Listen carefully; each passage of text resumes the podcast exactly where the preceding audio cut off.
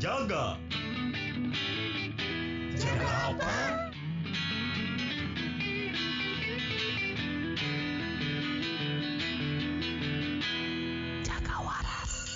Halo, selamat gini hari warga Jaga Waras.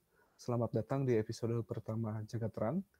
Dan pada saat ini di masa PPKM darurat, kami akan membahas tentang seluk-beluk pandemi atau secara khusus tentang COVID-19. Pada episode ini juga kami uh, ngeteknya itu uh, secara online, full secara online. Uh, jadi kalau nantinya ada kualitas suara yang agak berbeda atau ada delay, mohon maaf. Selain saya, Jeffrey, ada juga Rizal, dan ada juga uh, Mang Andi. Nah, kurang lebih Mang Andi ini adalah uh, gimana emang bisa dibilang praktisi? Uh, Wah, warga biasa, Mang. Oh, warga biasa. Cuman Mang Andi ini uh, kalau nggak salah memang pernah apa mengenyam pendidikan di kesehatan masyarakat, benar ya, Mang ya? Jadi, Betul, Mang. Uh, ibaratnya Mang Andi ini lebih uh, expert dibandingkan kita-kita. Uh, cuman untuk disclaimer uh, warga Jaga Waras, apa yang kita obrolin di sini itu sifatnya lebih ke pendapat, lebih ke ngobrol-ngobrol santai aja. Untuk memastikan apakah itu betul atau enggaknya, nanti kita bakalan coba uh, apa cross check dengan sumber-sumber atau literasi yang ada. Pada episode pertama ini kita akan uh, memulai podcast ini dengan pertanyaan kenapa masa pandemi COVID-19 masih berlangsung di Indonesia. Ya, ya.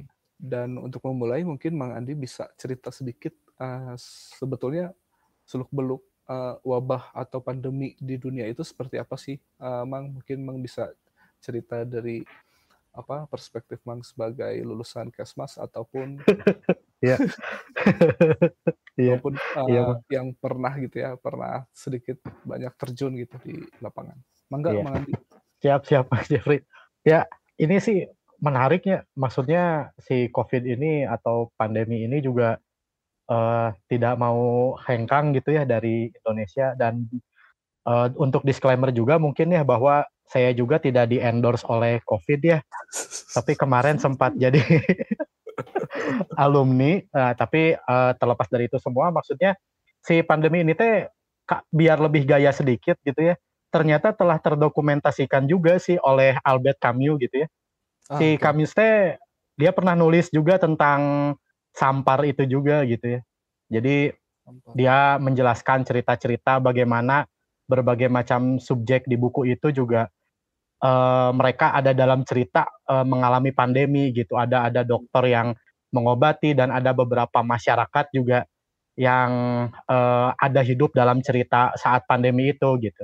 Jadi oh, kalau secara coba uh, Albert Camus itu yang filosofer itu kan ya, yang iya, uh, Albert iya. Camus ya. Albert Camus ya. Uh. Okay. Jadi gitu. uh, waras kalau mau cari tahu, lebih tahu si siapa sih hmm. si Albert Camus itu bisa cari aja googling Albert Camus tulisannya. Hmm. Bangga banget. Nah, jadi uh, eh, gak apa-apa ya, orang soalnya uh, enak membuka dengan salah satu apa penggalan buku Albert Camus itu. Jadi dia bilang bahwa uh, apa sih wabah itu kita mengalami epidemi itu di sini gitu. Hmm. Seolah-olah uh, mereka mengharapkan medali emas, piagam penghargaan, padahal apa sebenarnya wabah?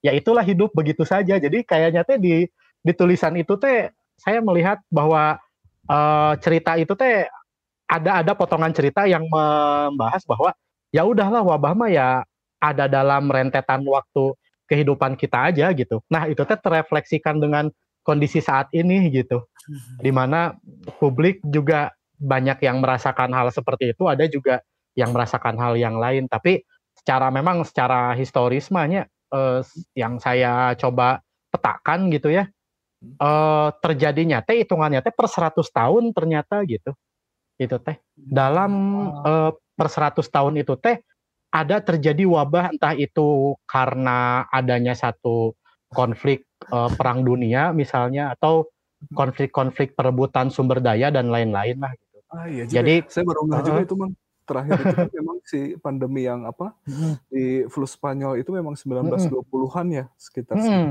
ya. Hmm. pertama itu ya. Uh, 1920 terus mundur serak mundur 200 tahun teh dari 100 1720 lah awal-awal uh, orang coba melihat gitu ya, coba uh, mencari referensi teh gitu. Hmm. Jadi ada Black Death gitu di mana di tahun 1720 itu teh gitu. Hmm. Jadi uh, apa si Black Death itu teh uh, saya nggak tahunya penyakit kalau disebut sekarang itu penyakitnya seperti apa gitu. Jadi uh, saya juga entah itu nyebutnya uh, pes atau seperti apa virus uh, yang di uh, bakteri yang dibawa oleh tikus atau kutu atau binatang-binatang uh, lainnya gitu. Jadi infeksinya teh masih melalui binatang gitu ya. Artinya uh, sebagai vektornya gitu si tikus dan hmm. kutu itu teh gitu. Hmm. Jadi menjelaskan mungkin kondisi saat itu secara lingkungan kesehatan lingkungannya seperti apa bisa dijelaskan bahwa bahkan pada tahun 1720 sudah bisa menimbulkan wabah Black Death tadi gitu. Hmm. Kalau yang Black Death itu di Eropa juga, Mang? Eropa, Mang. Oh, di Eropa. Di Eropa, uh. Uh, Jadi ya Eropa. ini nggak tahu ada hubungannya atau enggak ya. Kemarin hmm. tuh uh, sempat baca yang Homo Deus hmm. yang uh, uh, di situ tuh kalau nggak salah sempat ada ngejelasin uh, hmm. sebetulnya dengan adanya kolonisasi nih misalnya dari hmm. Portugal yang waktu itu awal datang ke mungkin zaman itu masih Nusantara itu tuh kan mereka ke timur Indonesia dulu. Nah hmm. sebetulnya ketika mereka datang itu mereka nggak cuma bawa misinya mereka, tetapi bawa wabah penyakit juga sebenarnya Maya. Hmm. hmm. Iya.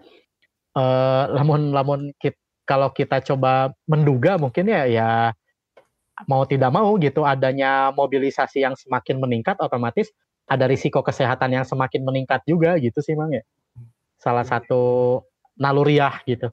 Naluriah uh, entah itu bakteri atau virus karena kan kita juga sebenarnya sebagai carrier juga inangnya juga tempat tinggalnya virus atau bakteri juga gitu sih. Hmm. Uh. Ya, ya, nah, ya. Mandi. Gimana? Ya. Kalau misalkan tadi gitu kan secara hmm. kronologikal hmm. 100 per satu abad meren ya. Hmm, per satu ya, abad. Hmm. Si pandemi ini terjadi. Nah, dari kejadian-kejadian yang satu dua abad yang lalu teh, hmm. ketika eh, pandemi terjadi, hmm. dibilang selesainya pandemi teh ada infonya nggak sih? Itu teh Nah, berapa lama dibilang, mereka menyelesaikan pandemi itu teh untuk bisa istilahnya apa ya? Bisa hidup bukan hilang badannya secara penyakit uh, karena uh, HIV, malaria uh, juga masih ada sampai sekarang kan. Iya, Maksudnya iya, benar-benar benar, hidup berdampingan dengan si virus iya. itu teh berapa lama sih kira-kira? Nah, kalau uh, kejadian itu ada infonya Ada ada infonya sih, Mang. Jadi pas oh, orang baca yang apa dari Black Death aja ya jadi si Black Death itu tuh rata-rata selesainya itu, maksudnya sampai tidak lagi menjadi uh, wabah ya, atau tidak lagi menjadi kejadian luar biasa gitu. Itu teh uh, uh, rentang waktu antara 3 sampai 5 ya, Tapi ada juga yang sampai uh, enggak sih, uh, 3 sampai 5 sih. Misalnya di uh, Italia waktu itu dia 1629 sampai 1631, kemudian di Sepilanya 1647 sampai 1652. Jadi serentetan sampai uh, 17 20 teh kebagi-bagi. Jadi lima tahun lima tahun lima tahun ada yang tiga tahun ada yang dua tahun gitu loh. Hmm. oh, gitu. Okay. yang yang Bang Rizal temuin juga gitu juga sih. Lima tahun gak sih? Dari bacaan-bacaan yang dibaca juga. Nah iya sih segituan uh, ya yang segituan uh. dunia uh, tapi yang benar, jadi ya, yang yang yang jadi yang yang saya jadi pikirin gitu ya hmm. dari tentang waktu uh, si hmm. pandemi hmm. itu teh kan anggaplah dari 9 ya dari 14 tahun 1400-an tadi gitu ya. Mm -hmm. Sampai ke yang tahun 19 yang perang dunia itu 20 yang ha, waktu itu sama-sama lima iya. tahun iya gitu sih bener mang uh, jadi kalau uh, saya coba baca ya emang hmm. lima tahun lima tahun ada yang dua tahun gitu oh. penanganannya tuh gitu jadi jadi gimana ya entah entah kenapa ada pola yang sama hampir ya. sama gitu. Dan berulang di situ gitu ya. teh. Nah, dan berulang. Bahkan di tahun 1820 juga ada wabah kolera juga terjadinya di India, ada di Sungai Gangga juga di situ teh. Oh. Uh, jadi terjadi di situ dan apa? Kalau yang dari referensi yang saya baca di situ teh ada di uh, The History of Cholera and the uh, Ganges Delta gitu ya. Mm-hmm. Dia teh 1825 ke sana lah gitu penanganannya. Jadi 1820 sampai 1825-an gitu itu teh. Jadi lima oh. tahun juga itu teh. Dan gak menutup kemungkinan COVID bakal kayak gitu berarti mah. Eh uh, kita itu, uh, ke, bisa prediksi juga ya. Uh, kayaknya ada beberapa konteks juga yang berbeda ya. Mungkin 1820 atau tahun-tahun saat itu kita belum memiliki upaya penanganan yang seperti saat ini gitu, di mana ada pendekatan vaksinasi, pendekatan uh, intervensi obat-obatan dan lain-lain. Mungkin uh, harapannya bi bisa jadi bisa jadi lebih cepat mungkin ya gitu. Mm-hmm. Tapi kan artinya uh, kalau saya melihat sih epidemiologi atau wabah itu jangan dilihat secara deterministik sih. Jadi ya harus dialektis gitu. Uh, tidak hanya faktor itu yang menyebabkan terjadinya wabah, atau uh, bisa jadi vaksinnya mengurangi uh, atau meningkatkan herd immunity tapi di satu sisi yang lain banyak masyarakat-masyarakat yang belum bisa mengakses vaksin gitu. Hmm. Jadi banyak banyak faktor lah mang gitu. Iya iya iya. Ya. Dan bahkan sampai akhir COVID itu merebak pun mungkin uh, balik lagi gitu ya, Mengandi itu kan mungkin bisa memang uh, konteksnya berbeda misalnya dengan hmm. sekarang yang apa laju mobilitas itu kan sangat kencang ya mungkin mm -hmm. vaksin bisa kita dapat uh, lebih cepat juga gitu. Iya, dalam benar, sih, waktu yang lebih singkat. Tetapi dengan adanya mobilitas yang super cepat itu juga mm -hmm. ya itu tadi yang kita obrolin di awal wabah itu ya memang bisa jadi lebih menyebar gitu emang ya. Karena uh -huh. jadi uh, tubuh kita memang menjadi apa istilahnya? Inangnya atau carrier ya, ya pembawanya. -huh, benar. Tantangannya ya. Uh -huh. Sama Emang Rizal udah balik deh kayaknya. Ah. Oh, oke. Okay. Eh udah ada. Disconnect kayak tadi maaf ya. Aduh koneksinya. Nah, ngelanjutin yang tadi ya. Tadi saya sempat yeah. juga. Uh, saya per, uh, baca artikel di uh -huh. BBC. BBC Future. Judulnya teh The History of Pandemics juga sama gitu ya. Uh, Justru kan kalau tadi ya kita lihat gitu, kalau kita me me me me menyikapi si wabah teh tidak bisa hanya dari satu perspektif aja gitu kan. Mungkin kalau tadi secara historis di tahun segitu eh, otoritas yang ada teh mereka bentuknya kerajaan meren ya. Kekaisaran. Uh, Terus dengan segala macam proses birokrasinya di zaman itu juga gitu kan Terus kalau kita refleksikan di masa sekarang, eh, kita lihat ya dunia saat inilah gitu ya. Kalau misalkan kita lihat di Barat, misalkan di Eropa gitu, proses pengelolaan negara teh seperti apa gitu kan di sana mungkin lebih advance meren ya daripada di sini karena mereka sendiri yang memulai itu gitu. Mm uh, transisi dari kerajaan sampai ke negara gitunya. Dan kalau misalkan kita lihat teh di nah di si artikel itu teh nyebutin katanya. Jadi pandemik itu akan cepat selesai uh, apabila yang berkuasa di situ teh punya sistem koordinasi yang baik cenah betul pesan jadi istilahnya betul, mah betul, betul. Uh, dari istilah apa ya komando dari yang paling tinggi teh A gitu Ya, ya.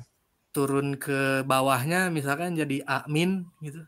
Turun ya, ke ya. bawahnya lagi jadi B, turun lagi ke bawah jadi C sampai yang paling bawah mungkin jatuhnya oh. malah jadi Z gitu kan. Ya, ya. ya. kita coba ngebahas uh, sisi lain mis tema uh, kita di episode ini kenapa pandemi itu masih berlangsung gitu ya. Nah, uh, mungkin saya mau bilang gini, uh, kalau saya jadi apa uh, punya uh, kekuasaan gitu ya, saya bakalan coba ngasih satu saluran informasi yang bisa nge apa ya uh, mencapai banyak lapisan masyarakat, mungkin bisa TV, karena kalau internet mungkin uh, laju pendidik apa tingkat pendidikannya juga lebih tinggi daripada yang apa masyarakat masyarakat yang ada di apa katakanlah pelosok gitu ya. Hmm. Uh, sedangkan masyarakat di pelosok ini mungkin mereka lebih masih ada di televisi dan saya uh, saya mikir jis jika namun orang pemerintah orang mah bakalan nyian saluran komunikasi di TV kudu anu eta teh intens gitu ngasih tahu si covid itu teh kieu iya yeah, kieu aruran uh, cara untuk uh, terhindar dari covid teh kieu resikonya tuh apa, kondisinya tuh kayak gimana. Itu mungkin bakalan membantu sih biar untuk uh, masyarakat ini teh sadar si COVID teh memang uh, ada dan memang membahayakan. Seenggaknya kalau nggak membahayakan diri kita, si COVID ini bisa membahayakan orang orang-orang yang ada di sekitar kita seperti keluarga, teman dan lain-lain gitu. Gimana kalau Mang Andi sama Mang Rizal? Iya benar-benar sih, setuju sih televisi. Sekarang soalnya kita diberitain terkait COVID untuk menggunakan masker, menjauhi kerumunan, uh, mengurangi mobilitas, mencuci tangan dan MM lainnya gitu. Tapi saat warga masyarakat yang tidak bisa mengakses internet, mereka lebih sering mengakses TV, tontonannya Ikatan Cinta, kemudian sinetron-sinetron Indosiar yang mana pemeran-pemerannya mungkin ya salah satunya tidak menggunakan masker dan tidak menjauhi uh, kerumunan dan uh, mengu tidak mengurangi mobilitas, artinya itu jadi satu paradoks juga sih kondisinya gitu. Sorry ya tadi kesebut nama salah satu stasiun TV tapi nggak apa-apa lah. jadi ya artinya harusnya gimana ya? Maksudnya cobalah sinetron juga atau uh, informasi-informasi di televisi mungkin juga bisa dikemas dengan tidak melulu informasi yang sifatnya seremonial atau uh, news saja gitu, tapi lebih hmm. kepada bagaimana sih cara mengeraih mereka, entah itu misalnya ada komedi-komedi sit sitkom-sitkom yang dibikin juga uh, untuk campaign-nya COVID dan lain-lain sih. Nah ini juga mang jadi satu autokritik juga buat kesehatan masyarakat sebenarnya ya mang ya. Jadi hmm. ya ini PR besar promosi kesehatan gitu. Jadi oh. PR besar kesehatan masyarakat harusnya Kemenkes ini bisa melihat bahwa kita masih bobrok di promosi kesehatan itu aja sih kalau menurut saya. Gak tahu nih Mang Rijal gimana nih Mang? gimana Zal? ya sih. Setuju uh, Kalau saya justru melihatnya tertentu lain. Kalau saya ngelihatnya kayak gini sih Mang Andi, Jeff. Uh, ketika komunitas gitu ya menerima informasi itu baik itu dalam bentuk media eh, apa pun itulah. Kalau yang saya lihat gitu ya, eh, kadang komunitas juga tingkat literasi terhadap si informasinya itu juga masih kene apa ya? Kayak sekarang zaman eh, baca headline set headline mm-hmm. heboh gitu kan, set heboh wah headline headline mengerikan kia gitu kan share langsung tapi isi nanti tuh dibaca gitu iya iya benar benar benar benar nah itu itu justru di pengguna internet juga malah saya lihat ada yang seperti itu gitu kayak oh. kemarin contohnya saya nge-share ada yang nge-share di grup kerjaan teh eh, langkah-langkah menghadapi gelombang kedua si covid ini teh harus gimana gitu ya hmm. hmm. padat etatnya tulisan nanti gitu ya dia hmm. nge-share foto memang gitu tapi di dalam foto itu teh isinya teks unggul gitu tulisan-tulisan set ada yang nanggap gitu kan set alah lo baki tulisannya horea macam lagi ah berarti kan eh, meskipun medianya juga media teradvance gitu ya di saat yeah. ini tapi hmm. ketika tingkat literasi komunitas terhadap sebuah informasinya masih seperti itu teh juga bisa jadi jawaban gitu kenapa pandemi itu masih berlangsung saat sampai saat ini hmm. ya enggak kalau ya, menurut ya. saya sih gitu ya. saya, saya lihat ya jadi uh, menurut kalian benar gak? Jadi nanti uh, urusan pandemi itu bukan hanya urusan kesehatan ya jadi struktural. Eh, eh maksudnya teh multidimensi ya. Oh banget kayaknya teh pendidikan oge nya mang ya berarti ya gitu ya, ya kalau ya. tadi mang Rizal berbicara literasinya benar tuh sih. Ya, ya uh, literasi juga uh, kalau yang ini emang apa uh, yang balik lagi yang ke tadi uh, masyarakat masyarakat kata, katakanlah yang ada di daerah gitu ya mereka uh, ketika nggak pakai masker lalu sayangnya kemarin-kemarin ini kita uh, walaupun pemerintah udah ngasih pembatasan mudik atau apa uh, melarang aktivitas mudik gitu ya ada aja kan tuh yang nyuri-nyuri waktu sebelum pembat apa uh, pemberlakuan larangan mudik mereka udah duluan gitu. Dan sayangnya uh, bisa jadi ketika mereka mudik masyarakat yang sebetulnya mereka apa datangin itu uh, misalnya meng, apa terpapar covid dan akhirnya nanti mereka bisa balik lagi ke kotanya dengan apa uh, terpapar covid juga gitu dan itu akhirnya kita kan kalau tren dunia mah udah rada turun ya si angka kasus iya. COVID-nya itu. Uh, -uh. Uh, tadi sempat ngecek lagi India tuh memang dari Maret atau April itu itu nanjaknya benar-benar nanjak banget ke atas sampai hmm. di bulan apa ya bulan Mei kalau nggak salah atau Juni tapi mereka turunnya juga lumayan drastis. Hmm, hmm, hmm, nah sedangkan Indonesia kita masih ada di ini nih laju naik nih. Setelah kemarin yang aktivitas mudik itu dan kita masih cukup cukup apa juga uh, cukup ekstrim juga gitu si yeah. lonjakannya juga. Positivity rate kita juga kan emang paling tinggi ya di apa? Di ASEAN ya. 15 persen gitu tuh kalau nggak salah saya baca tuh. Dari standar WHO itu kan 5 persen sebenarnya positivity rate itu positivity rate si COVID ini. Jadi kita tuh rasio hmm. positifnya paling tinggi gitu. Juara lah. Iya, iya. Tapi Mang Jeff, aku mau ini dulu ke Mang Rizal nih. Tadi kan Mang iya. Rizal sempat bahas literasi ya. Um, mungkin karena itu itu juga jadinya pemerintah kita itu tipe-tipe komunikasinya itu senang jadi bikin singkatan gitu ya, Mang ya? Kayaknya Mang ya. Biar disingkat gitu. Jadi kita makin uh, eh, menarik. Jadi akhirnya biar masyarakat nggak baca terlalu panjang mungkin ya. Jadi dibikin singkatan terus aja gitu jadinya teh eksperimennya teh eksperimen di akronimnya itu mungkin ya itu Bisa mungkin juga menggambarkan bagaimana literasi kita gitu ya bahwa kita juga senang yang disingkat-singkat juga sih sebenarnya gitu. Meskipun angger we jadi poho deui singkatan teh naon ya. Iya iya iya iya. Yang tadi Mang dijelasin itu cukup menja menjawab uh, waktu itu saya sempat mikir kenapa sih pemerintah teh dikit-dikit suka bikin singkatan gitu. Kayak kan banyak BKKBN naon, iya. BKKBN naon gitu. Iya. Iya benar-benar itu berarti jawabannya.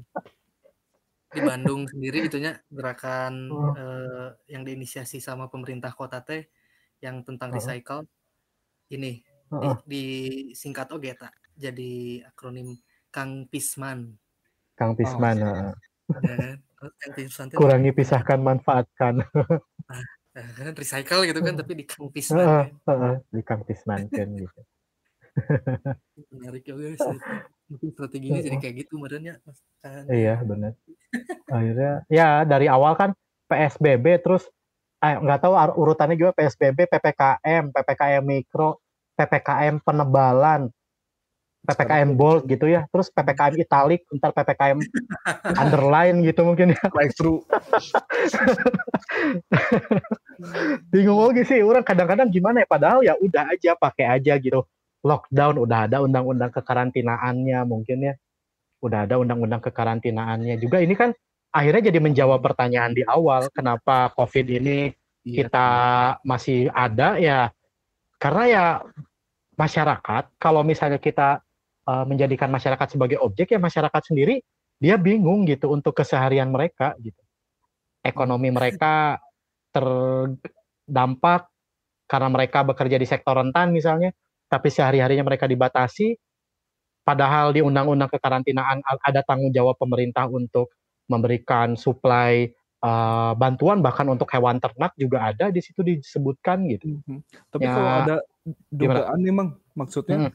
uh, kalau ada pendapat yang uh, ngasih dugaan pemerintah itu nggak mau memperlakukan istilah lockdown, hmm. itu uh, ujungnya untuk menghindari tanggung jawab untuk membiayai uh, yang selayaknya dibiayai oleh pemerintah ketika mereka menerapkan lockdown.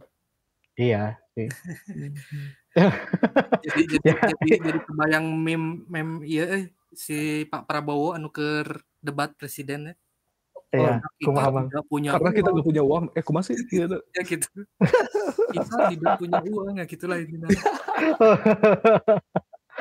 ya karena. ya, ya, ya. Tapi Masalahnya juga ya. mah apa?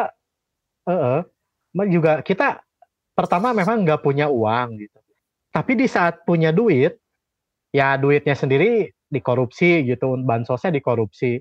Di saat kita punya duit, ya lebih cenderung pemerintah itu memberikan solusi-solusi yang kalau kata saya mah tengaruh gitu. Misalkan ya ya tina helikopter nurunkan desinfektan gitu kita baca aja kita kita baca aja uh, eh, WHO uh, guideline-nya WHO bagaimana cara penanganan uh, pembersihan wilayah itu hmm. kalau kalau se sependek pengetahuan saya lah yang di epidemiologi gitu ya.